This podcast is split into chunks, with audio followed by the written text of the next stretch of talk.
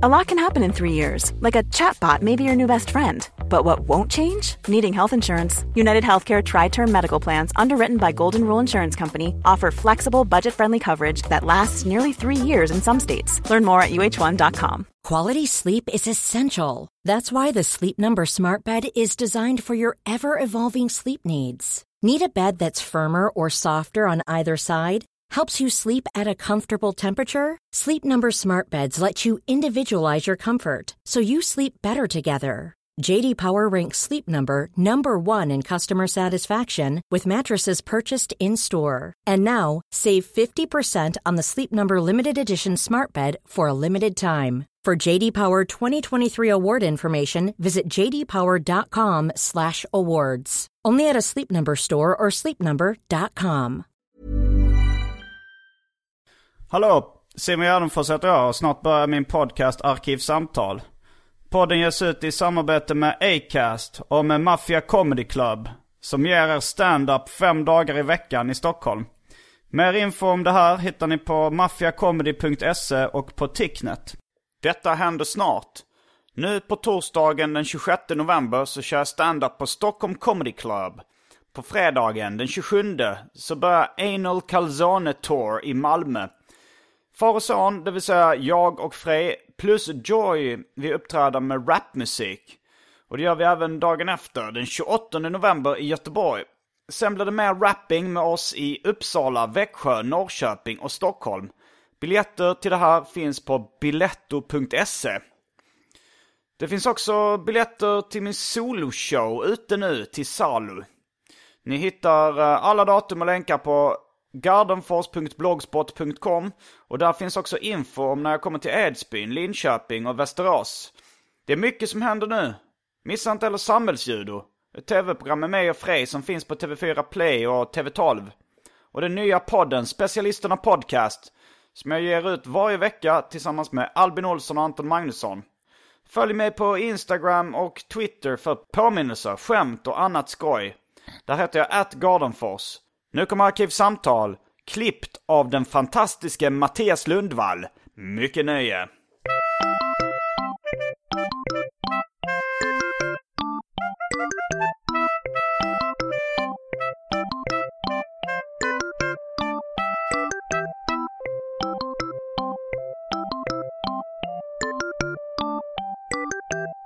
Hej och välkomna till Arkivsamtal.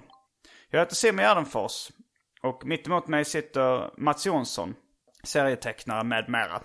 Vi kom in på Samantha Mumba innan vi introducerade pro- programmet. Du frågar hur många crunchies jag gör per eh, morgon. Eh, Svaret är 65 stycken måndag till fredag. Och hur många på helgen? Eh, Noll. Du, du kör verkligen någon slags 5-2-variant? Eller? Ja, det är väl mer att jag är ledig på helgerna. I, I och för sig så skriver jag fortfarande ett skämt om dag även på helgerna. Det är viktigare för mig att vara rolig än att ha en uh, snygg mage. Om du kan, du ja. kan räkna ut procent hur vikt, mycket viktigare det är. Nej men det, det är så här, jag, jag, jag, har, jag har aldrig gjort avkall på skämtskrivandet sen jag bestämde mig för att börja med humor. Och det är 1238 dagar sedan eller något sånt där. jag Så du har alltså 1238 roliga historier? Fantastiskt. 1,238 bok alltså. Ja, för jag ja, det var ganska, det var bara några dagar sedan det var en, två, tre, fyra, fem. Ja, i och för sig, De brukar ju ha sådana spexiga på de här roliga historieböckerna. Så 111 roliga historier eller? Fast det hade ju funkat med 1, 2, 3, 4, 5 roliga historier också. Jag tror att du har någonting på spåren där. Jag tror inte det har gjorts faktiskt. Men, men hur många av de här eh, skämten har, liksom, har någon annan fått höra? De flesta har nog någon annan fått höra. Eh, Jag läser upp dem för kompisar och testar dem först lite på det sättet. Och sen så de som får br- bra respons av kompisar testar jag ofta på gratisklubbar i Stockholm. Kanske lite andra ställen ibland också. Och jag tror, jag har nog testat kanske 500 av de skämten. Det är sjukt många skämt. Eh, och sen uh, valde jag ut eh, ungefär 61 skämt till min slappa timme. Det är alltså något mer än ett gag i minuten. Ja, nej det, det, alltså nästan, det blir nästan alltid exakt ett gag, i genomsnitt ett gag i minuten. Eh, En, ett, vad, vad då kallar skämt. Det låter ju väldigt liksom mycket, men sen en minut är ju rätt jädra långt när man står på scen. Ja. Det går inte att komma ifrån. Jo, nej, det finns ju one-liner-komiker som, eh, de har ju dubbelt så mycket minst. Jag ska gå på eh, de två one-liner-kungarna i Stockholm, Jonas Strandberg och Michel Sanchez. De ska ha en show eh, nästa vecka som heter Korta skämt. Jag tror de hade 130 skämt på sin show. Och den är nog inte en timme lång. Nej, kort. det låter rätt jobbigt med en timslång one-liner-föreställning Mm. faktiskt. Lite så här att äta sig mätt på gräddtårta liksom. Grädde direkt ur bunken. Som är ett citat från Mats Jonssons serie Jag blev kär i ett spöke. Där du drömde att uh, tjejen du var kär i åt grädde direkt ur bunken. Ja, tillsammans med en eh, kompis till mig. Och jag kände mig djupt äcklad av det där. Att det var med honom och att det var direkt ur bunken. För du är självbiografisk serietecknare. Mm, det... En vad heter det, för, säger man förgrundsgestalt inom svensk självbio. Ja, det kan man nog säga. Eh, för jag tänkte att var den drömmen sann?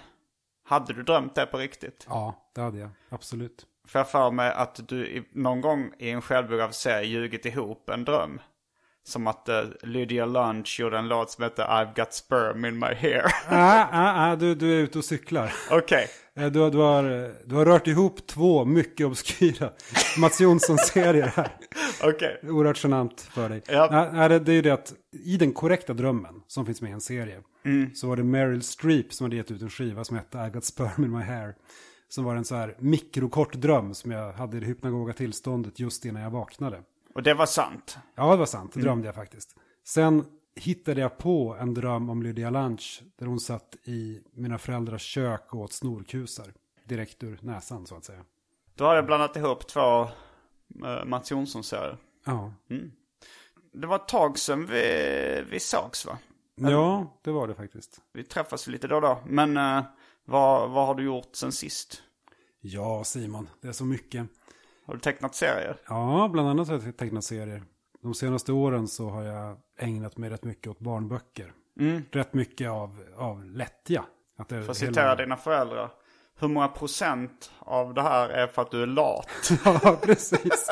Ja, Det var då en annan referens. Kanske inte lika obskyr Nej, om man är insatt riktigt. i Mats Jonssons serie. Det var eh, Mats Jonssons fobi för rotvältor. Och du går i någon slags terapi där dina föräldrar är med. ja just det. Och de var, väl... Var det, var det gruppterapi eller? Vad? Nej, nej, det var, det var ju på BUP. Men, jaha, är föräldrarna med på BUP? Ja, alltså ibland. Och då så eh, lägger någon av dina föräldrar fram teorin Mm. om att egentligen bara vill du, är du för lat för att åka ut och åka skidor. Och Precis. inte rädd för rotvältor. Så jag har, ja precis, jag har, har mm, hittat på den här fobin helt enkelt. När jag var fyra år gammal, för att slippa åka skidor. Och sen hållit fast vid den här fobin i tio år, genom hela min barndom. Det var någon som berättade om, jo jag var i, Nässjö och höll ett, höll ett föredrag på en folkhögskola där. Mm, ja, just det, den, den röda folkhögskolan i Nässjö. Där har jag också varit en gång. Mm. Det, för det var en, eh, en, en kille där som var fan av självbiografiska serier. Och han hade gjort någon slags eh, fotokonst med rotvältor. Men han var osäker på om han skulle skicka dem till dig eller inte. För att du blev ju rädd fortfarande för rotvältor. Ja, visst. Men jag, jag sa att du hade ändå hypat någon amerikansk konstnär som gjorde konst just av det. Mm. Så jag var lite kluven till hur du skulle ta det. Ja, så jag är kluven själv. Det är väldigt, alltså, för att ta ett numera ganska nött begrepp. Så, så är jag nog faktiskt i behov av en triggervarning. För att om jag får veta att nu kommer jag komma i kontakt med rotvältsmaterial. Då, då tycker jag ofta att det kan vara rätt intressant. Men om jag bara får det rätt upp i ansiktet så blir jag ju rädd. Eh, Det är som till exempel bland, eh, det finns folk i, ja, alltså jag har diverse Facebook-kompisar som jag inte känner egentligen, men som gillar mina serier.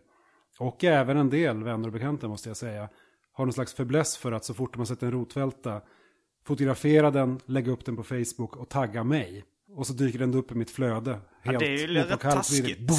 Ja, så jag, tror, jag tror att de menar det bara, bara, jag tror inte att de menar någonting illa med det, absolut inte. Men det är just det här att jag kan känna att, okej, vad skulle du tycka om jag la upp en bild på ett ruttnande lik och taggade dig? Och så bara kommer det upp. Jag tror säkert det är värre. Alltså fobi är ju ändå en överdriven rädsla. Eller jag menar, det är säkert värre att tagga en rotvälta än ett ruttnande lik. Alltså så Ja. det är väl bara så här, åh lite äckligt. Men om man, jag tycker det är ganska konstig grej att göra om man vet att någon har en fobi. Jo, jag tror att man har inte tänkt hela vägen. Och eh, du vet väl ett och annat om avtaggning, Simon? Ja, det du syftar på. Jag, jag taggar av eh, bilder där jag inte känner mig extremt sexy. Sen så Ja. har jag en del bilder som är fällor så att säga. Där jag är lite, lite ful för att folk ska säga Åh, han lägger inte bara upp sexiga bilder på sig själv. Han lägger upp alla möjliga, vill jag att folk ska tro. Smart. Så det är några, några ändå liksom avledande manövrar. Fantastiskt. Jag är djupt imponerad. Du borde, du borde jobba på en säkerhetstjänst eller någonting sånt. Uh, Jag kommer ihåg, du var väldigt imponerad någon gång också när jag, sa, när jag berättade att jag taggade av ifall någon lagt upp ett fotoalbum som man gjorde förr på Facebook. Då taggade jag av alla bilderna där, även de när jag var snygg. Ifall det fanns fula bilder på Ja, mig just det. så kunde man bara klicka vidare i albumet. Så då så ja, torkade jag bort alla fingeravtryck så att säga.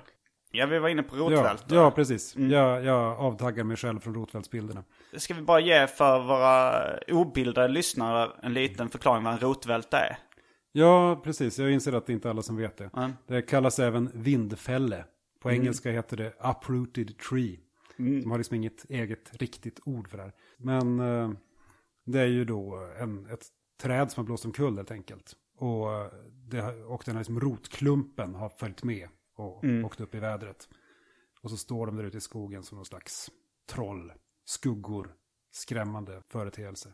Och mm, jag blev skrämd av en rotvälta när jag var så tre, fyra års åldern. Och sen så har det helt enkelt Och det stannat. kanske var att det var någon släkting till det som sa att det där är farligt, man ska inte stå. För det kommer jag ihåg de sa när jag var på dagis eller var på Mulle eller sånt också, att man ska inte stå vid en rotvälta. För det, det finns en risk att trädet trillar upp igen eller? Jo, precis. Vilket Och det, jag låter helt jävla orimligt. jo, nej men alltså det, det kan ju hända. Jag menar, Va? jo, det ligger på ett sånt sätt att själva rotvältan kan undermineras så att den slår igen. Ja, och ungefär som att man böjer bak. Om man, om man tänker i liten skala så böjer man en kvist som bryts. Ja, Då slår ju den tillbaks ganska mycket. ja. Är det, är det samma fenomen? Jag tror, att det, jag tror att det är ungefär samma fenomen. Mm. Och sen så menar, det är ju ett par personer som dör varje år i rotvältor. Va? Fall- ja, visst. I Sverige? Ja, visst. Men då är det ju, då är det ju vanligtvis säga, skogsägare Mm. som är ute för att ta hand om omkullblåsta träd.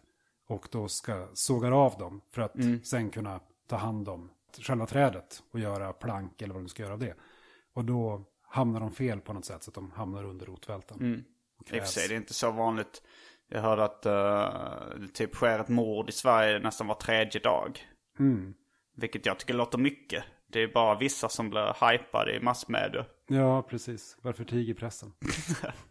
Men, Ja, för det är också någonting folk gillar att lägga upp på min eh, Facebook-vägg är ju notiser om från lokaltidningar om folk som har glömt sig ihjäl av rotvältor.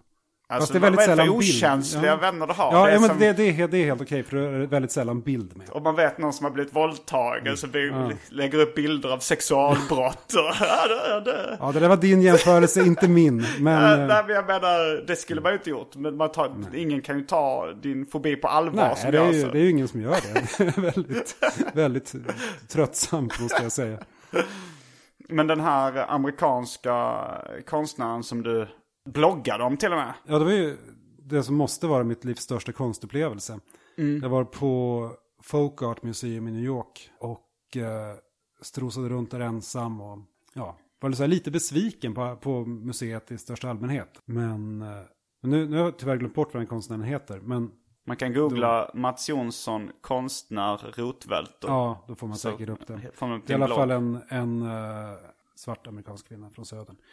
Som var verksam så här, 20, 30, 40, 50-talet ungefär. Mm. Och eh, det var då ett slags skulptur jag såg. Som stod en bit bort i salen.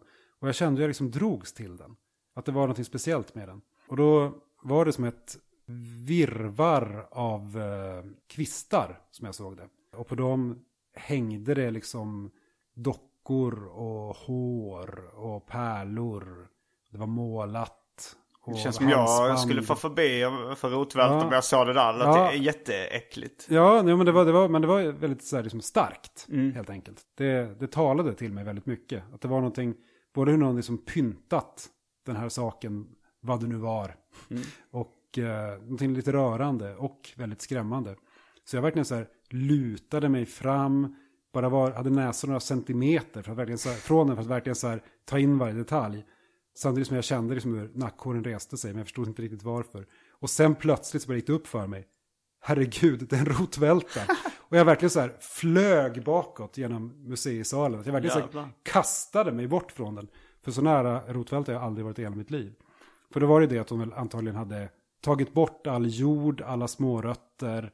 Ja, men samma effekt som när man kokar ett kohuvud för att få en sån här cool skalle som man har i Um, typ country och... det var egentligen bara en, en trädrot då kan man ju säga. Ja, precis. En hel trädrot, alltså ett rotsystem. Men lik förbaskat så var det ju en rotvälta. Nej, jag känner att den konstupplevelsen är väldigt, väldigt svår att slå. Hur många procent var fobi och hur många procent var Stendals syndrom? Jag skulle säga att det var 50-50 faktiskt. Och sen så, sen så läste jag ju på om henne då förstås. Och eh, det var ju lite intressant att hon var då djupt religiös. Alltså kristen. Det lät mer voodoo-aktigt Mm, tyckte jo, jag. precis. Jo, men det var, jag tror att hon var väl inspirerad av liksom natur, naturreligioner. Kanske inte så mycket religiöst som kulturellt. Att det fanns ett arv där. Så var hon ju då, så var hon ju djupt kristen samtidigt. Och var det något tillfälle som en, hennes dåre till präst övertalade henne att bränna upp alla sina verk. För att de var liksom onda andar och satanism. Det låter som när Tony Darwich, eh, som sen Ja, just känd för serien Elvis, fick en, gick igenom en religiös upplevelse och hotade med att bränna upp alla sina original. Ja, För att de var... Bes- Det var din liknelse, Det var inte min. verk. Vilken liknelse tyckte du var mest osmaklig? El- Ehm. Elvis the Comic-liknelsen eller våldtäktsliknelsen? ingen, ingen kommentar. men, passande parallell. Nej, men eh, ja, i alla fall så, sen så kom hon till sans igen i alla fall och fortsatte med sin, med sin konst. Och, Det gjorde eh, även eh, Tony Ja, Darwich. ja, precis. Jag har glömt vad han heter nu. Kronstam. Mm, okej. Japp. Men eh, då, och sen så mot slutet av sitt liv så nådde hon slags genombrott. När, sen så att säga liksom, Ett, eh, konstkännare började intressera sig för Under den. sin livstid. Ja, men verkligen mot slutet av den. Och eh, men jag har ju sett det när jag kollat in så här konstaktionssajter. Att man kan ju köpa verk av henne till ändå, alltså det är ändå så här inom räckhåll. Kanske så här liksom 10-20 tusen eller något sånt där. Det är inte liksom bisarrt dyrt. Och jag har ju liksom så här fingret och hovrat över köpknappen liksom. Men, men jag har ju, men då har jag känt att skulle jag ha konst hemma som jag är rädd för. Ja, det kan vara lite uh, ja. Onödigt. Du är den enda jag känner som har köpt konst på fyllan. Eller jag, jag gjorde ju aldrig det. Nej, men Jag du, var väldigt, väldigt nära att göra det. Ja, du, du, du klickar väl på köpknappen men Ja, sen ja, var man precis. tvungen att... Ja, ja, men jag tror att det blev tekniskt fel. Det här var ju... Jag för mig du sa att man behövde skicka en bekräftelse på e-mail nästa dag. Ja, det du- var nog så det var. sån. Och då, då kunde jag ångra mig. Och det, var det David Bowie som hade målat tavlorna? Ja, det var någon slags litografi. Så det var ju Okej. signerad litografi av David Bowie som ju inte är någon större konstnär faktiskt.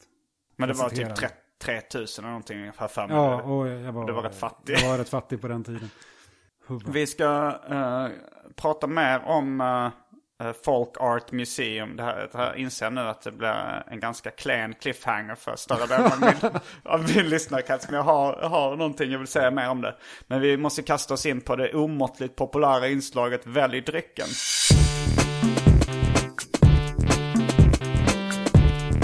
Jag tror vi börjar med fasta inslaget Välj drycken! Eh, då har vi Nils Oskar God Lager. Vi har Dry Martini. Vi har Hawaii Gay Club. Sen har vi Valio Slät Yoghurt. Skulle du kalla den dryck? Nej. Den är inte ens titulerad drickyoghurt. Nej, drickyoghurt är också ett ord jag hatar. Ja men det har för mig du har sagt. Ja, drickyoghurt, badlakan, eh, det finns några. Är det mest uh, fonetiskt du hatar dem eller är det... Jag hatar dem fonetiskt och kulturellt. Okej. Sen har vi Baileys, Pepsi Max och för tråkmånsar och nejsägare vatten. Sen råkar jag av en ren slump också ha en dryck i min väska. Mm. Och inte vilken dryck som helst. Det är verkligen en slump. Det var min eh, kollega Amanda som har varit i Finland som eh, köpte den här åt mig på Alko. Oh! Leijona Pastilli Shot. Jag har faktiskt sett dig um, posta det på Facebook. Det är lite Facebook-tema idag. Ja, kan man säga. genant nog det svennigaste som finns. Och jag har, eh, ska vi säga symboliskt hovrat över köpknappen när jag varit på Finlandsfärja och liknande. Men sen inte riktigt kunnat hålla mig från att eh, eh, köpa mm, Koskenkorva salmiakki som är lite samma genre som jag tänker är goda. Men ett Och jag- säkert kort. Ehm, men då, då tar vi uh, varsin uh, pastilli-shot. Jag tar gärna, jag tar gärna ett glas eh, vatten också. Eh, då tar jag en öl som side order. Kan man få öl, vatten och lejonen? You got it old timer. Härligt. Då är vi strax tillbaks med dryckerna kända från det omåttligt populära inslaget Väldrycken. Häng med!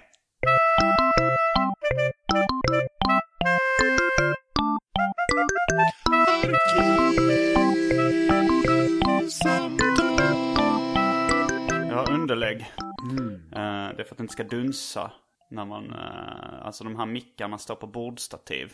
Smart. Påverkas av. Men vi är tillbaka i alla fall med dubbeldryck till mig och trippeldryck till Mats Jonsson. Vem är det som är chef? Respekterar även färg och form och den här brunskalan blev väldigt snygg. Med Nils Oskar God Lager och uh, Lejon i Pastilli Shot. Ja, det är verkligen så ett begränsat färgspektrum Mm. som känns väldigt eh, tilltalande. Då tar vi lite, jag, jag tror inte jag ska sänka den utan smutta med på den. Ja, jag tror också det. Hej. Jävlar vad god. Den var chef skulle jag nog säga. Hostmedicin. Mm. Hostmedicin är ju gott som vi alla vet.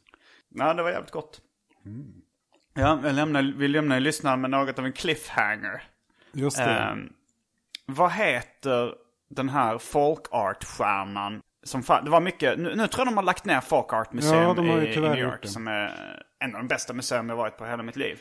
Kanske det bästa. Det är, nu, nu när jag tänker efter, det bästa konstsamlingen förutom David Liljemarks Den lilla konstsamlaren som bara fanns en dag på något litet galleri i Stockholm. Sveriges folk art museum. Ja, det var lite säga. så. Mm. Men Davids urval var lite flippigare och roligare faktiskt. Än, eh, men vad, vad heter, det fanns en, eh, en konstnär som var vaktmästare. Ja, och de hittade den här stora samlingen i hans lägenhet efter hans död. Ja, Uh, Darger, Henry Dar- Darger. Henry Darger, just Vi det. slapp pausa och googla. ja. Hu. Eh, men Henry Darger i alla fall. Vill du försöka beskriva hans konst? Jag, jag göra. är nog sämst i världen på att beskriva hans konst. Men Okej. tematiken är ju väldigt speciell. Ja, alltså det ser ut som lite, dels är det lite klipp och klistra grejer. Det ser ut som man har klippt in lite bokmärken. Mm. Det är lite keruber och änglar och sånt där. Och sen tecknar han lite den stilen också. Och det är en stil som har blivit väldigt trendig i alternativserier. Eh, och tecknar lite så folk art-aktigt, Henry Darger-aktigt. Och när jag, och sen är det väldigt någon slags se, eh, skev sexualitet i, i bilden också. Mm. Ja, det, det, är ju, det är ju, blir ju verkligen den klassiska clashen mellan gull, gulliga figurer som gör saker som är ganska obehagliga. Fast är det inte bara att de är nakna som är... Ja, men alltså det finns ju någon, någon slags Och att, eh, och att obehaglig även flickorna det- har penisar. Han har ritat dit kukar på, eh, på alla då barnen liksom. Ja, Men är det inte också det att det, att det är någon slags så känsla av, jag vet inte, flugornas herre-känsla? Att det är så barn i grupp. Det kanske bara är min uppväxt som mobboffer som får mig att känna det. rädd för barn i grupp. Ja, det kan ju vara det. Jag, jag kommer inte ihåg ifall det, det jag bara för mig men att det är lite sexualiserade bilder av de här barnen också. Jo, det kan man väl lugnt Det är så säga jag att det uppfattat också. Och jag tror att någon konstvetare eller någon teori fanns då att han inte visste hur han trodde att han hade bara sett sig själv naken som barn och trodde att alla barn hade kukar. Att inte visste, han visste inte hur tjejer ser ut. Men det, det här, Henry Darger var väl också någon slags särling på något slag. Ja, han var väl det på, alltså, levnadskonstnär, eller folk art-konstnär även som, Eh, men, som att de, person. men att de hittade då den här, eh, dels alla hans konstverk och hans konst, han har även gjort en konstsamling med lite så här målarböcker han hade klippt ut och, eh, och liknande. De hittade efter hans död i någon städskrubb. Eh, han var då städare och bodde i någon liksom, skrubb. Och de hittade den här fantastiska konsten då som blev Och massor också, man kan fråga sig hur han, hur han fick plats med den. Och jag kände ju lite det här är för bra för att vara sant. Och, och, när, eh, och enligt svenska polisen, när de eh, pratar om bedrägerier och sånt så säger de så här att när någonting låter för bra för att vara sant, då är det i nästan alla fall så. Då, är det ett, då är det ett bedrägeri. Och jag bör, började känna lite JT Leroy-vibbar över det hela. För jag kände också J.T. Leroy var ju liksom, det är en kulturs våta dröm. Ja, jo, alltså jag skäms för att jag käkade upp J.T. Leroy med hull och hår. Jag gick också på det. Vill du ge en sammanfattning om J.T. Leroy-historien? En kort Ja. J.T. Leroy, det var, var det början av 00-talet som han då breakade med dunder och brak verkligen som författare. En eh, mycket ung amerikansk kille som hade ja, alltså bott ute på vischan i öknen i stort sett och haft en fruktansvärd uppväxt med droger och eh, prostituerat sig och legat med liksom truckdrivers för pengar. Hans mamma var och, truckerhora och han Ja. Mm. hängde med. Hon klädde ut honom till kvinna. Ja, precis. Eh, Eller till barnkvinna Och, då. eh, Ja, och han var, han var ju, och det blev en enorm succé. Alla älskade det, inklusive jag. Eh, Och han var ju även i Sverige och gjorde läsningar. Och var som en tunn, blyg eh, person i solglasögon. Eh, Och sen visade det sig då att, det var ju bara en bluff alltihop, att det var ju en skådespelerska som hade då låtsats vara den här J.T. Leroy på, på scen då. Eller om det var J.T. Leroys agent som var den som egentligen hade skrivit böckerna. Hennes systerdotter eller någonting sånt. Ja, det var ett förläggarpar som hade skrivit böckerna och, och det var någon släkting till dem som spelade. Ja, jag kommer ihåg det var ett, eh, ett Cobra-inslag på SVT som handlar om J.T. Leroy. Och kanske lite liknande fall med bluffmakeri. Men då, eh, jag tänkte ju så här, Henry Darger, det här låter som en J.T. Leroy-grej. Men, men samtidigt så kanske konst är dessutom, eh, det känns som det är ännu mer, eh, du kan, det finns ännu mer pengar att trolla med inom liksom bildkonsten Ja, än i litteraturen. Så då finns det ju ännu mer vinningar att hålla det hemligt. Liksom. Så jag kommer ihåg när vi var i New York så sa jag, jag ska söka stipendium eh, från konstnärsnämnden och göra ett så här grävande eh, seriereportage där jag ska avslöja Henry Darger som en bluff. Och då sa du, då ska jag söka pengar från konstnärsnämnden där jag följer efter dig och avslöjar dig som en bluff. Jag kommer inte ens ihåg. Men... Med tanke på att du själv avslöjar dig som en bluff då och då så. Ja, jag vet inte riktigt. Bluff och bluff. Det, ja, jag, jag, jag ljuger ibland. Jo. Men eh, jag, jag, tycker, jag skulle nog inte säga att hela mitt konstnärskap är bluff. Vilar på en lögn. Nej, kanske inte. Inte vad vi vet i alla fall. Men sen om vi ska säga en sak till om Facebook. Så, så jag har ju då... Stora Facebook-special. Precis, om man, om man då... eh, Om man känner mig på Facebook så ser man ju att jag all, i stort sett alltid har samma toppbild. Som är ett fotografi taget av den kubanske fotokonstnären Anthony Guacolea. Jag vet inte riktigt hur man uttalar hans namn. Det fotot såg jag nog första gången på Folk Art Museum. Då det var en tillfällig utställning med ska säga, samtida konstnärer som inspirerats av Henry Darger. Så det här har fått konsekvenser ända in i våra dagar. Apropå dina Facebook-profilbilder. Du har inte gjort en sån här nu med Frankrikes flagga. Nej, det gör jag inte. Men du gjorde det med, med så här, eh, var det chip to Gaza-grejen? Ja, då ritade jag. Del, dels så ritade jag den själv. Och dels så var den mycket diskret. Den var så diskret att du kanske var den enda som upptäckte att det var en Ship to Gaza Mm. sympati-avatar. Hur många procent av det här, din profilbild var antisemitism? Att du inte bryr dig om Frankrike, men, men när det är judar inblandade på något sätt, då, Så du, då men, är så du du beredd. menar att judarna inte var inblandade i det här som hände i Paris? Eh, Jag har inte läst på tillräckligt mycket. Ja, du har läst på fel ställen. Nej, jag är ju, jag är ju prosemit. Det, finns ju en, en teori om att Israel-Palestina-konflikten får omotiverat mycket utrymme och folk bryr sig mycket om det för att det är judar på en sida. För om man tänker på antal dödsoffer och uh, hemskheter så finns det jättemånga andra konflikter man skulle kunna bry sig minst lika mycket om. Jo, förvisso.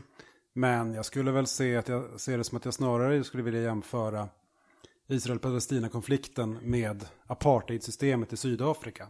Att det ändå är en, ska man säga, en, men på många sätt modern stat som vill vara en demokrati och en rättsstat. Och på något vis, ju, vissa delar, vissa, många delar faktiskt är det också.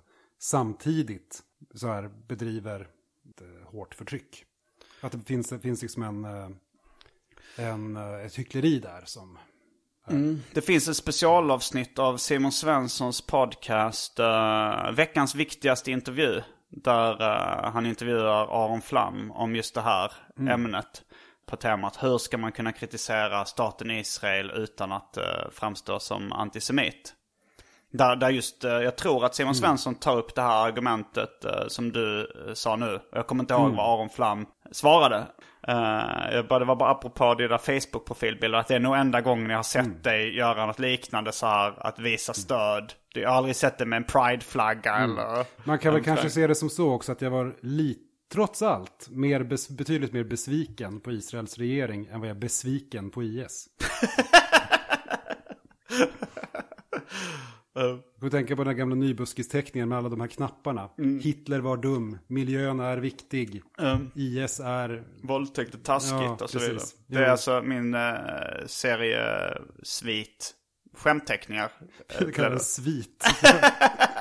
Ja men eh, en bok med skämtteckningar. Där jag gjorde en som har så här politiska ställningstagande på olika knappar eller badges. Med väldigt eh, lama. Självklara. Millions of people have lost weight with personalized plans from Noom, like Evan, who can't stand salads and still lost 50 pounds. Salads, generally, for most people, are the easy button, right? For me, that wasn't an option. I never really was a salad guy. That's just not who I am. But Noom worked for me. Get your personalized plan today at Noom.com. Real Noom user compensated to provide their story. In four weeks, the typical Noom user can expect to lose one to two pounds per week. Individual results may vary. Ever catch yourself eating the same flavorless dinner three days in a row? Dreaming of something better? Well, HelloFresh is your guilt-free dream come true, baby. It's me, Kiki Palmer. Let's wake up those taste buds with hot, juicy pecan-crusted chicken or garlic butter shrimp scampi. Mm. Hello Fresh. Stop dreaming of all the delicious possibilities and dig in at HelloFresh.com. Let's get this dinner party started. Quality sleep is essential. That's why the Sleep Number Smart Bed is designed for your ever evolving sleep needs. Need a bed that's firmer or softer on either side? Helps you sleep at a comfortable temperature? Sleep Number Smart Beds let you individualize your comfort so you sleep better together. JD Power ranks Sleep Number number 1 in customer satisfaction with mattresses purchased in-store. And now, save 50% on the Sleep Number limited edition Smart Bed for a limited time. For JD Power 2023 award information, visit jdpower.com/awards. Only at a Sleep Number store or sleepnumber.com. Du jobbar ju i serievärlden. Det måste, Nu för tiden måste man en sån säga tecknade serier för att folk ska förstå. Ja, för då förstår folk att det är South Park det handlar om. Stillastående tecknade serier. Eh, Jag kommer ihåg jag blev så jävla sur när, när de hade liksom, det var kanske TV4s morgonprogram när det var tecknad film. Det var redan innan tv-serier började kallas serier.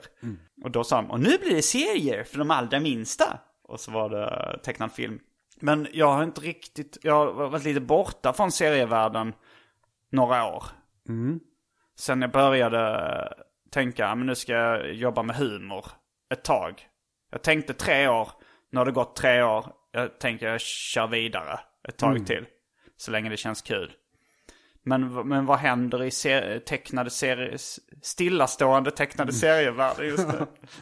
vad ska vi kalla det? Sekvenskonst? Sekvenskonst. Nu, tyvärr. är ju måste- film också sekvenskonst. Ja, jo, och ingen förstår vad vi menar när vi säger sekvenskonst. Så det... Men kalanka och sånt. Ja, Ni vet, jo. rutor, roliga, Precis. stora näsor, roliga gubbar. På papper.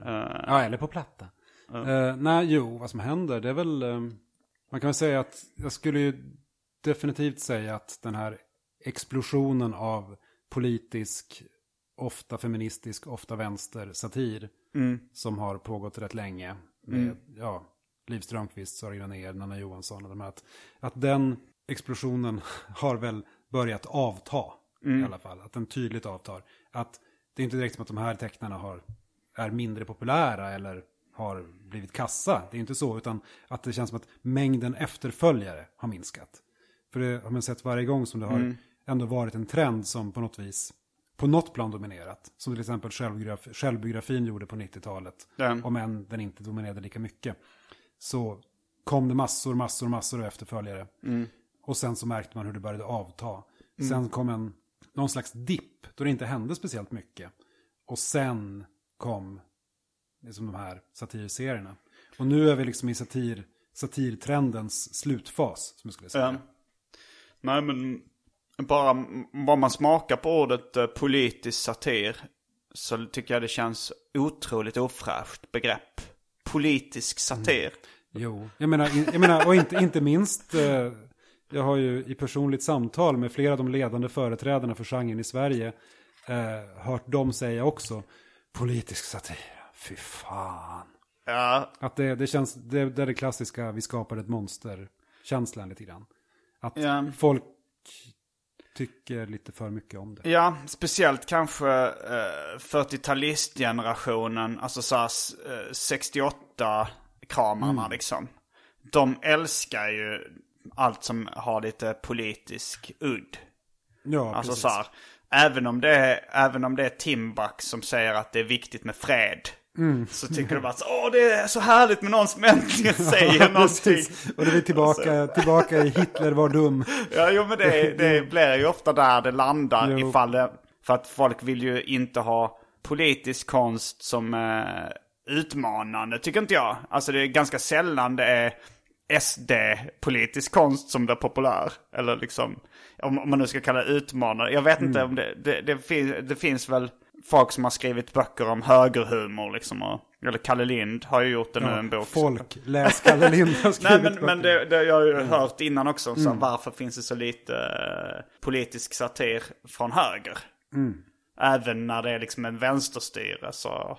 Varför, eh, Pontus Lundqvist har gjort en serie som heter Om moderater kunde teckna. Och så är det, och så är det skämtteckningar i stil med Hej, jag är nya chef. Och så är det en kvinna som kommer in i rummet och de andra svimmar och upp med benen plopp. Just det. Och eh, läkaren som säger, tyvärr här nu, jag är tvungen att ställa in din operation. Istället har vi köpt in det här konstverket. Som jag sa. jag menar, det, det är ju i princip så högersatiren ser ut. Men det finns väl ingen hög... Finns det någon höger... Ja det finns kanske. Hans Lindström känns väl som ja, en, en, han, en han känd... eh, känns som att han eh, vacklar rätt mycket politiskt. Men, men så har vi Kalle Strokirk förstås. Han är ju i princip SD, skulle jag säga. Han är väl bara känd som ett exempel på Ja, högersatir. jo, jo, liksom, jo. Det är inte direkt som om- att någon läser honom. Nej men nästan som eh, rasistisk hiphopmusik. Att då, då kan man eh, söka upp rapparen Neo Hate. Och- men som ingen känner till förutom om man nu ska försöka vax, vaska fram någon Mm. Ja, slags vit makt-rap. No. Nej, men det, nej, nej men det är helt fantastiskt hur, hur ändå en politisk riktning som ja, men stöds av typ halva svenska folket inte kan vaska fram någonting bättre.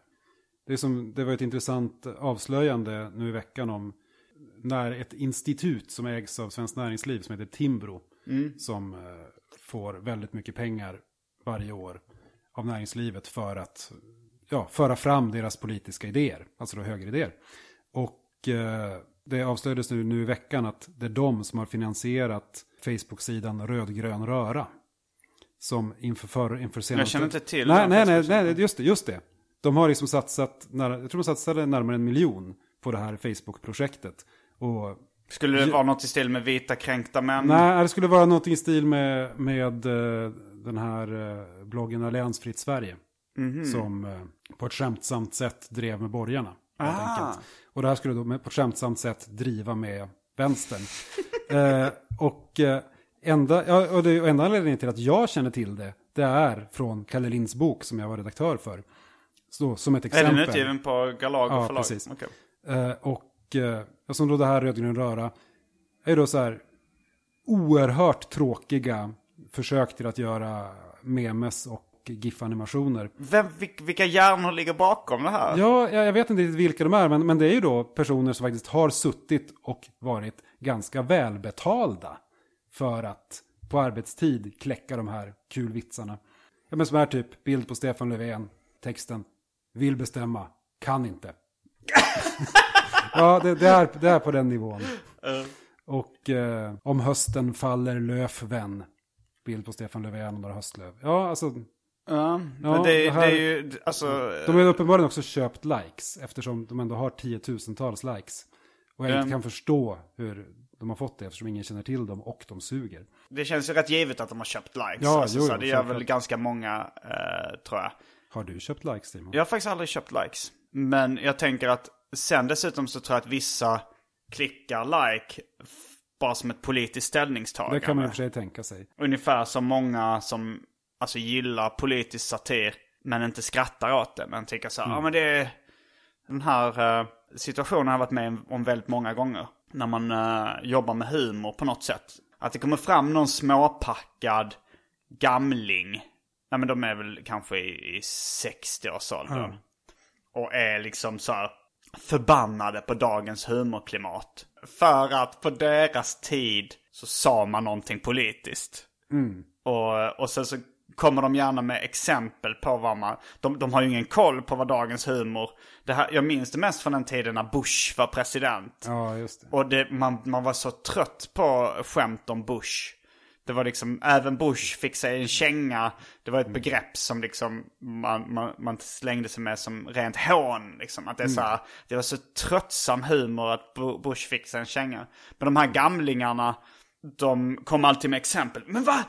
Varför säger ni ingenting? Det finns ju så mycket att driva med. Det finns ju så mycket fel idag. Bush till exempel. Och så kommer de med sånt som alla driver med och tycker så här, Det borde ni ta upp. Det, är ju, finns ju så mycket att göra narr av. Och det... Men Åh. när, när det egentligen skon klämmer på ett enda ställe och det är att Tage Danielsson dog. och Hasse, Hasse, Hasse Andersson, Hasse Alfredsson blev, Hasse blev gammal. Hasse. Hasse Kvinnaböske Alfredsson blev, blev gammal. Och jag menar, jag skulle nog säga att Hasse och Tages politiska grejer är deras sämsta grejer. De var inte helt vassa kanske. Nej men det är också en annan, en, ett annat spår som oldtimers kan komma med. Det är ju att det är sådana som faktiskt har lite koll på vad som görs idag. Och då oroar sig över den råa tonen. och vill mer, jag mer vill ha en så här en vänligare och mild satir. Som till exempel Hasse och Tage. Man landar alltid på Hasse och Tage. Det går liksom inte att komma ifrån. Nej men eh, också det senaste, alltså folk hittar alltid eh, anledningar att racka ner på grov humor.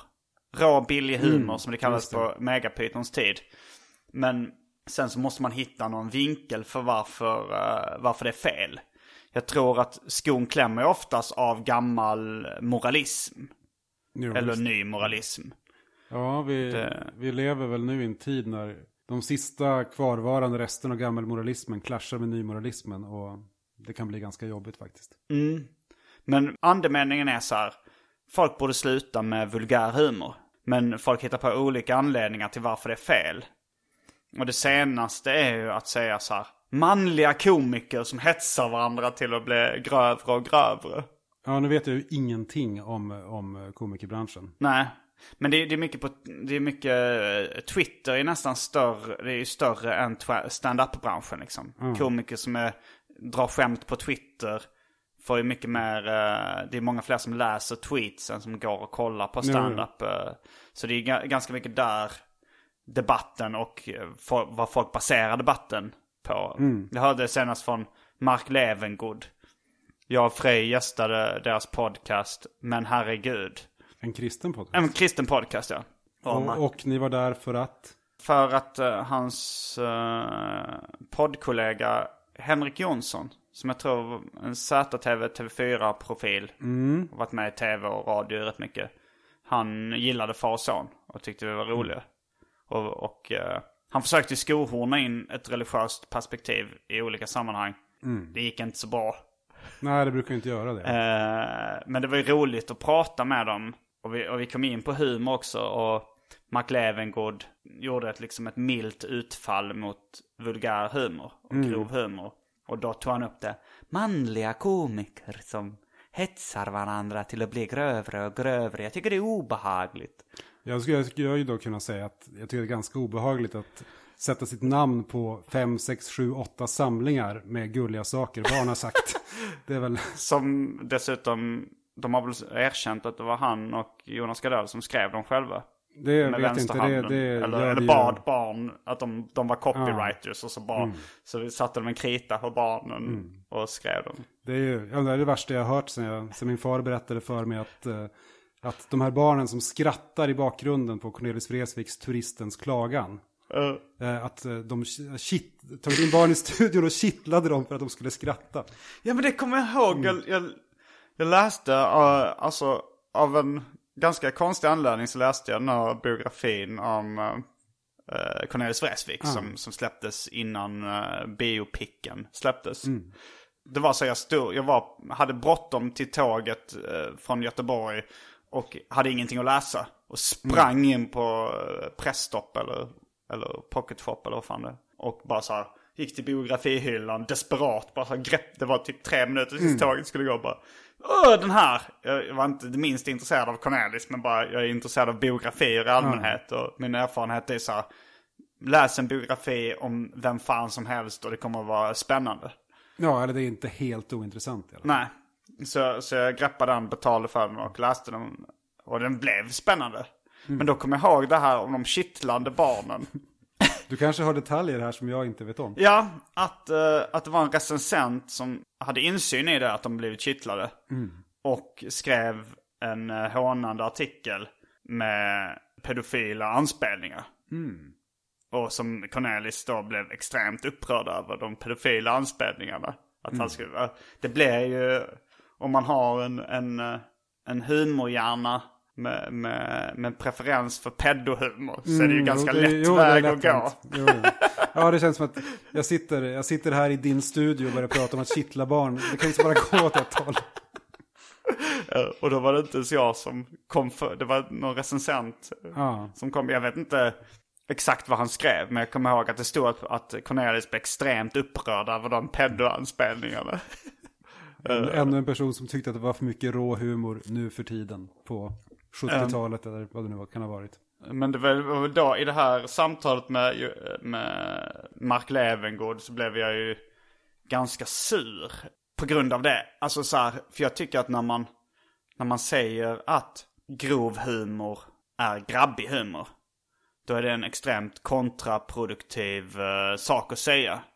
För då säger man ju att det här är så här män skämtar och så skämtar inte kvinnor. Och då kanske liksom folk som är lättpåverkade eller väldigt unga tänker så liksom. Om man är en tjej som så här, men så här ska inte jag skämta. Det, det, är inte, det är inte kvinnligt att skämta på det här sättet. För det blir ju undermedvetet så att man kanske glider in i de könsrollerna då. Och jag vill ju väldigt gärna att både män och kvinnor ska skämta grovt och vulgärt. Är den typen av humor jag uppskattar. Och det finns, jag har ju många, fått många kompisar nu som är tjejer och som skämtar grovt och vulgärt. Och det tycker jag är skitfett. Men jag tycker det är extremt kontraproduktivt att kalla det för grabbig humor. Eller börja prata om manliga komiker som bla bla bla. Att det blir en slags självuppfyllande profetia där. Ja, det blir ju det. Plus att egentligen så tror jag bara det är att man av, eh, av moralistiska skäl inte vill att det ska finnas grova och vulgära skämt. Och därför hittar man på ett svepskäl och, och, och knör in det i genusdebatten just nu som, som är ett känsligt ämne. Så att folk ska ta avstånd från rå humor av fel anledning. Ja, kanske, jag vet inte. Jag menar, visst, jag, menar, jag, är helt med på rå humor. Men eh, samtidigt så, jag menar, jag tycker ju sämre och sämre om män i grupp eh, för varje år som går. Inte bara barn i grupp, som Nej. jag sa tidigare, utan även män i grupp. Att det, jag vet inte, bilden av eh, sex, sju killar som sitter och, eh, sitter och skrattar tillsammans gör mig lite illamående faktiskt. Men varför det? För att jag upplever det som korkat och hotfullt. Alltså det är väl just det här att om det ändå är en värld som släpper in tjejer som skämtar grovt. Så visst, fine. Jag menar, jag har jobbat i seriebranschen i 20 år och det var också rätt mycket ett pojkrum. De, för, de första tio åren. Och det, det har ju liksom fixat till sig. Och det antar jag att humorvärlden också gör. Men det, det är just det där, och, och sen i och med att jag har dålig koll på humorvärlden ska inte jag sitta här och säga speciellt mycket. Utan min bild färgas också rätt mycket av, av all kritik som jag tar in. Det som bara, bara kommer i. Jag tänker nu att den här Kringland Svensson i AMK morgon finns som liten fond från den här diskussionen nu. Ja, det är väl kanske lite grann så här noshörningen i salongen så att säga. Eh, ja, det, ja, det kanske var det även uh, Mark Levengood syftade på. När han, när han kom med sin... Fast även, även eh, på Twitter så var det ju så att uh, Henrik Schyffert bestämde sig för att bli vulgär helt plötsligt. För att han var trött på den, att folk var så känsliga kanske. Och så, och så blev det massa... Och det, det kan vara det som var en del i debatten också. Men vad, vad var det du skulle säga? Nej men det, det är väl helt enkelt det att om det är en alltför, om det är så att det är ett, ett alltför exklusivt manligt sammanhang så tycker jag det är äckligt. För det påminner mig för mycket om när jag läste tv-spelstidningskorrektur och satt månad ut och månad in och lyssnade på Säljarna som var ett gäng på fem, sex killar som satt och snackade. Och den här, liksom, den här jargongen av vet, totalt ointressanta svennebanansaker toppat med ett ständigt pyrande kvinnoförakt. Ja, det är liksom här bärs, sport, bilar och eh, hata sina fruar. Det, det är den känslan som ibland, jag ibland Mm. kan få och den är mig extremt Alltså, motbjudande. Några av de här sakerna är ju bara liksom för mig ointressanta som eh, bilar och sport. Alltså så här, det är bara grejer som jag inte är intresserad av. Men jag, har, jag kan inte vända mig mot det och säga att det är fel moraliskt eller något sånt där. Kvinnohat och kvinnoförakt däremot kan jag ju vända mig mig emot och säga det tycker jag inte är så trevligt. Det är absolut kan jag tycka att det är en kul grej att skämta om på samma sätt som rasism eller förintelsen eller känsliga ämnen. Tycker jag ofta skruvas upp en volym om det är ett känsligt ämne så kan det bli ännu roligare. Kanske, det, det är väl lite trevligare kanske ifall, eh, ifall det är kvinnor med som skämtar om de grejerna också. Men jag tycker verkligen inte ifall det, ifall det, ifall det är liksom en podd med bara tjejer som skämtar grovt har jag ingenting emot. Om det är en podd med bara killar som skämtar grovt har jag heller ingenting emot. Därför, Ja, nu har jag aldrig lyssnat på en podd där någon skämtar överhuvudtaget. Så, så, jag, så jag gör mig ju skyldig till precis det jag själv blir så trött på. Folk som uttalar sig om saker de inte vet någonting om. Så jag bara väljer att uttala mig bara rent generellt Ehm, om män Ja. grupp. Men däremot så finns det ju någonting allt det här, alltså som ju är extremt störande, är ju någonting jag känner igen från tiden då Megapyton, eller för den delen vanliga Python eller Galago, var i skottgluggen för gammelmoralister.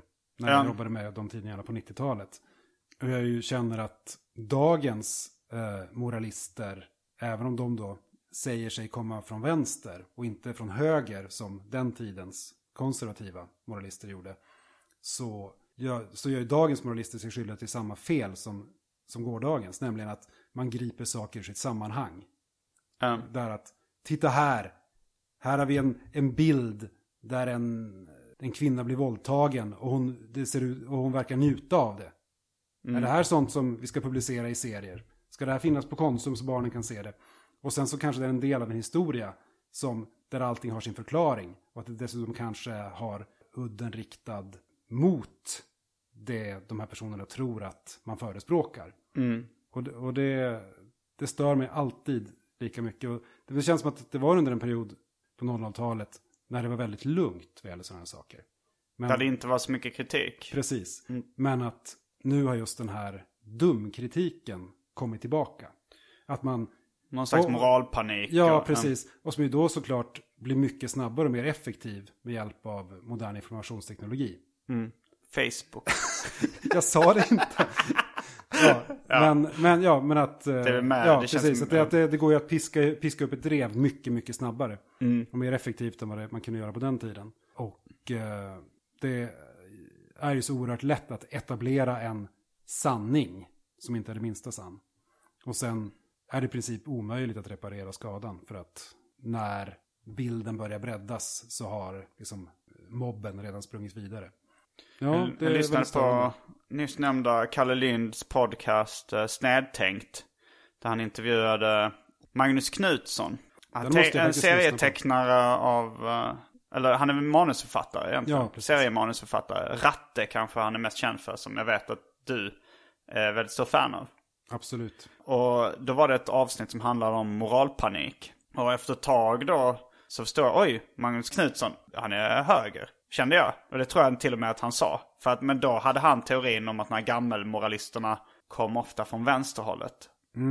Alltså det är det att jag tror att Magnus Knutsson absolut inte vill identifiera sig som höger. Han är, ju, han är ju... Liberal, tror jag han Nej. kallade sig själv till och med. Nu kan, kan det gått så illa. Jag menar han är, Ett- är ju gammal sosse helt enkelt. Sosse av den gamla Okej, då- men jag tror jag vände kanske under den podden någon gång att Mm. innan han sa vad han var så tänkte jag shit fan han är ju höger, han är liberal den här jäveln. Och sen vände jag, sen tror jag han kanske sa jag är gammal sosse. Tänkte jag va? Eh, Så blev jag ännu mer förvirrad. Men, Jo, nej för att, men dagens sossar kanske är rätt mycket högerliberaler. ja, det, det kan man, jo, jo, jo jag menar standardsossen av idag är någon slags liberal. Men standardsossen när Ratte gjordes på 80-talet var ju mer som en vänsterpartist där idag, skulle jag vilja säga. Okej. Men Han kan Men- bara följt socialdemokratin Han kan, sömlöst. kanske har gjort det. Men sen är det väl också det att han ju, jag tror att han lite grann gick emot linjen och var någon slags dissident redan på 80-talet. Det var ju just vad gällde yttrandefrihetsfrågor och sådana saker.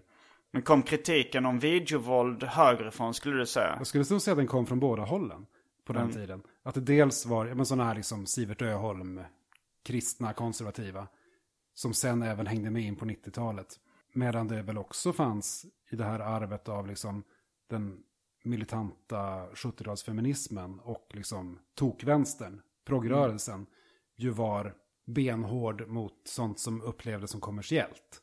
Så de kunde ju hata serietidningar för att det var amerikansk kommersiell våldsförhärligande sexistisk dynga. Ja, just det. Samtidigt som kanske då kristna högern hatade dem av en helt annan anledning. Eller typ, typ samma anledning, men, men med andra Jo, ord. men kan det är det jag säga. känner lite idag också. Att alltså, folk blandar ihop sexfixering med, med sexism väldigt lätt. Mm. Att om man, eh, om man skämtar om sex så är det sexistiskt. När det, Mm. när det egentligen bara kanske kan vara sexfixering. Och det beror på en slags prydhet tror jag. Som liksom kommer både Mm. högerifrån och vänsterifrån. Att det här är snuskigt.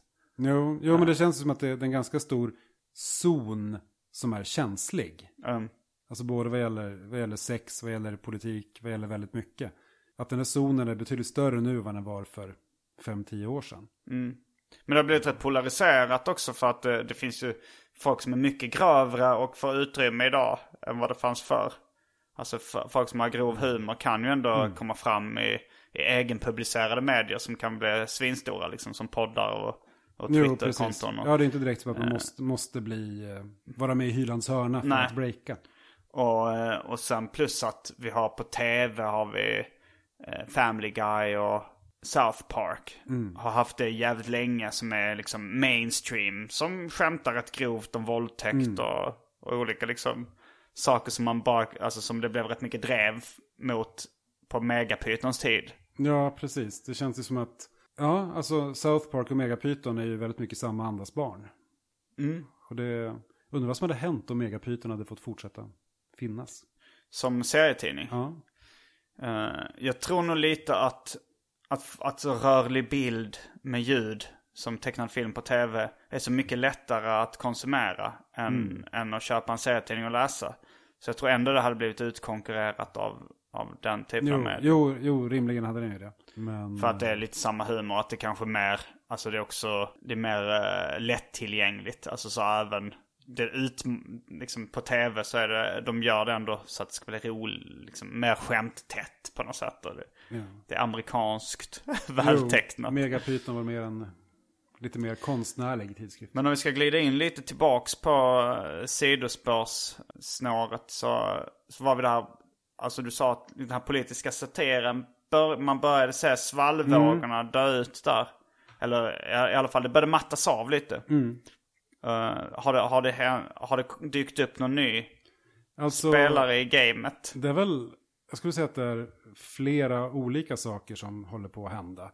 Det är inte direkt någon genre som jag känner att den här kommer att ta över. Det här är nästa stora grej. Men, Utan vad gäller då vår utgivning på Galago, vad gäller de mer alternativa eller konstnärliga serierna, så är det ju, känns det rätt mycket som att det är serieromanens eh, återkomst på något sätt. Inte nödvändigtvis självbio, men någon slags realistisk längre berättelse. Vi har liksom ett antal sådana på gång till nästa år.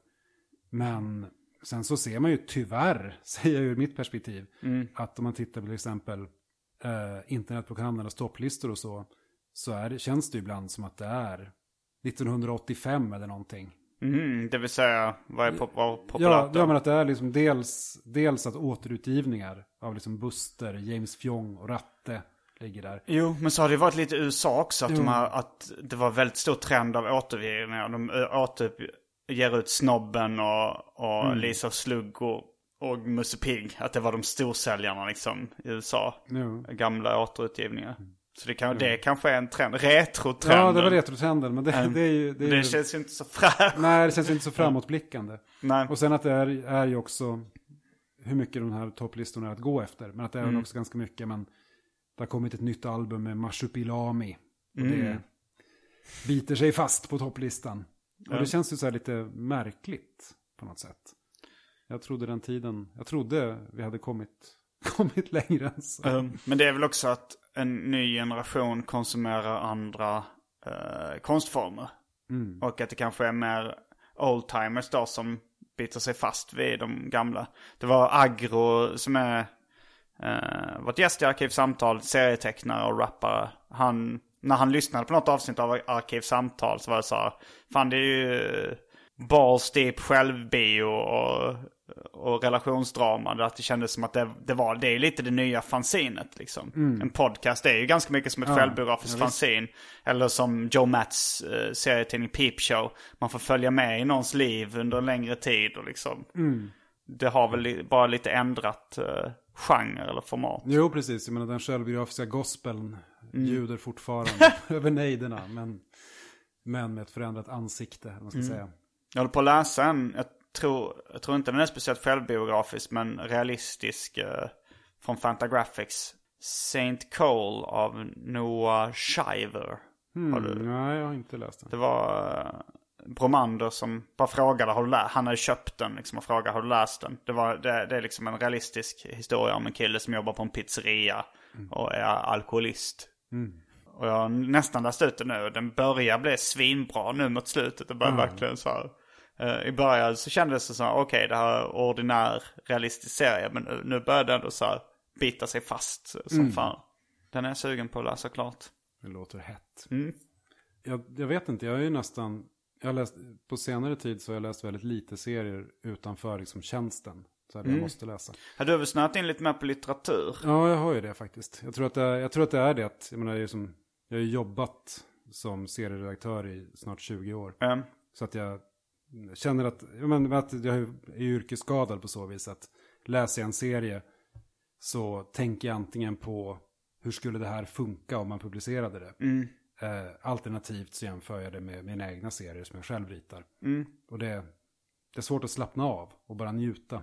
Ja. Men, jo, men läser jag liksom vanliga romaner så slipper jag ju tänka på det. Och det är ack så skönt. Men du, har du själv börjat på någon ny självbiografisk serieroman? Mm, det har jag faktiskt. Jag, jag har ju, nu, oj, det här var ju fem sidospår sen faktiskt.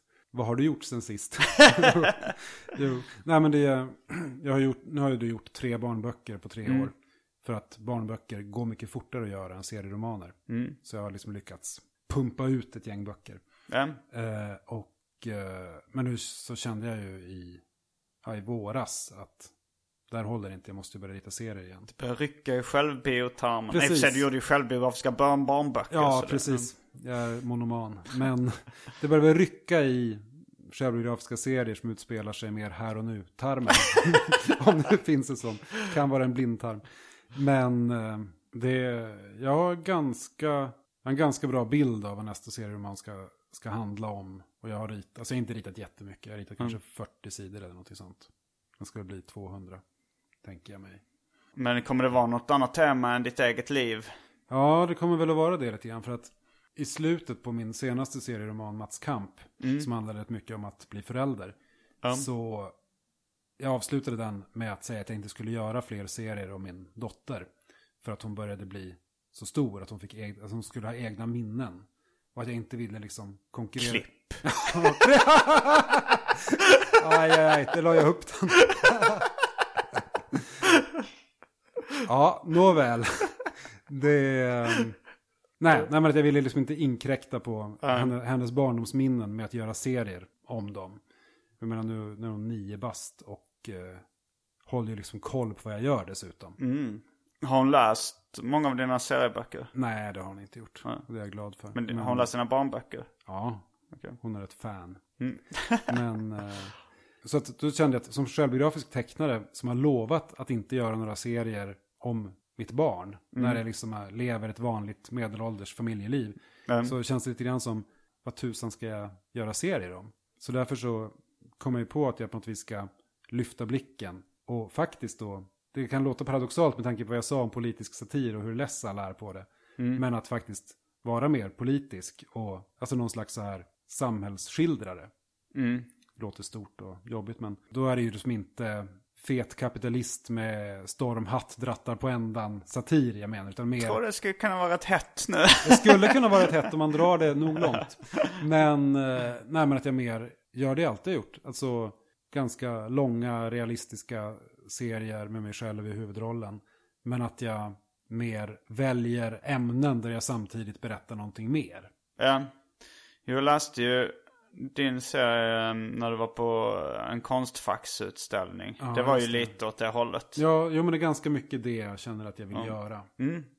Ja men den var rolig. Ja, så jag är rätt, jag är rätt nöjd med den. Ja men det finns ju ändå eh, folk, vuxna människor med barn som gör uh, självbiografisk underhållning. Där de bara nämner barnen i Jo, förbifarten. jo, men det är ju det som, är kommer, det, är så- det som kommer att hända. Ja. Det är inte som att jag Det är så inte så här, konstigt. Nej, det är inte som att min tanke var att jag skulle aldrig mer skulle ha med min dotter i en serie. Nej. Utan det är mer det att det inte ska handla om... Hur det är att vara tonårsförälder. Nej, precis. Ja. Det är faktiskt lite Men det är integritetskränkande. lite skönt också. Alltså så här, det finns väl, eller jag vet inte. Ensamma mamman hade det kanske blivit lite likt. Ja, kanske hade det blivit det. Fast inte ensam och inte mamma. Det är bara tagline. ja, precis. och handlar inte om familjeliv. Just det. en, en Torhud. Cecilia Japp. Torhud-referens. Nej, men det, nej, men alltså det, det är väl också det att det känns väl lite grann som att någon slags nisch jag är på väg in i nu är någon slags eh, väldigt mycket ja, men klasshat faktiskt som jag känner att jag kommer att jobba med. Så den här konstfaxserien är ju, den är ju driven av klasshat. Jo, den, den kändes ju till och med, alltså jag gillar serien. Men, men man kände ju ändå att hatet tog överhanden. Ja. För att det blev så här, det blev, påhoppen blev inte så logiska och motiverade direkt. Det kändes Tycker mer... du inte? Alltså, jag, jag, nej. Eller jag tyckte, jag, jag kunde ju störa mig på, eh, på den här personen du skildrar också, som du hatade. Men det kändes, på ett positivt sätt så kändes det omotiverat att gå igenom hela din klasshistoria, den här konstnären som du skildrade i serien också, klasshistoria och den andra bakgrunden. Det, blev, det blev nästan som en sån här ilsken rasist. Fast som, alltså så att du inte, att ditt, ditt hat grundar sig inte i hudfärg utan i klass. Att det var så en arg, att du bara tappade besinningen Jo, liksom. jo, det, det är Ja. ju det. det, Men det, det, det är roligt och sen plus att eh, den typen av hat känns inte lika... Jag ser, ser med mer blida ögon på klasshat än på rasism på något sätt. Det väl, Jo. även om, även om så här vissa, det, det kändes lite så här, lite, lite galet. Jo, lite men det- argt. Ja, jo, men det, det var ju det som är hela tanken. Men det, det, det är ju det som gör att jag själv är väldigt nöjd med serien. Att den funkar liksom på flera nivåer. Att det dels, dels så är det ju, jag menar, det är en, på sätt och vis är det en klassisk självbioserie. Den, alltså, allt som händer är sant. Eh, och sen så är det också den här liksom, ja men just det här, den här liksom totala överdriv, den extremt överdrivna reaktionen jag ger uttryck för genom att googla upp den här personen bortom allt förstånd och ta heder och ära av henne i, i en ganska lång serie för en typ förflugen kommentar hon gjorde. Att vi har vistats i samma rum i fem minuter och sen så kommer liksom den här spyan från mig. Jätteroligt. Ja, och den serien har du även eh, publicerat på Facebook. På Facebook ja. Man kan, om man vill kan man gå in och gilla min sida Mats Jonsson inom parentes artist. Och nu har vi knutit ihop både Vad du gjort sen sist-säcken och Facebook-säcken. Ja, den gamla säcken. Så då säger vi att eh, det var allt från den här veckans avsnitt av Arkivsamtal. Jag heter Simon Gärdenfors. Och jag heter Mats Jonsson. Tack så mycket. Fullbordat samtal.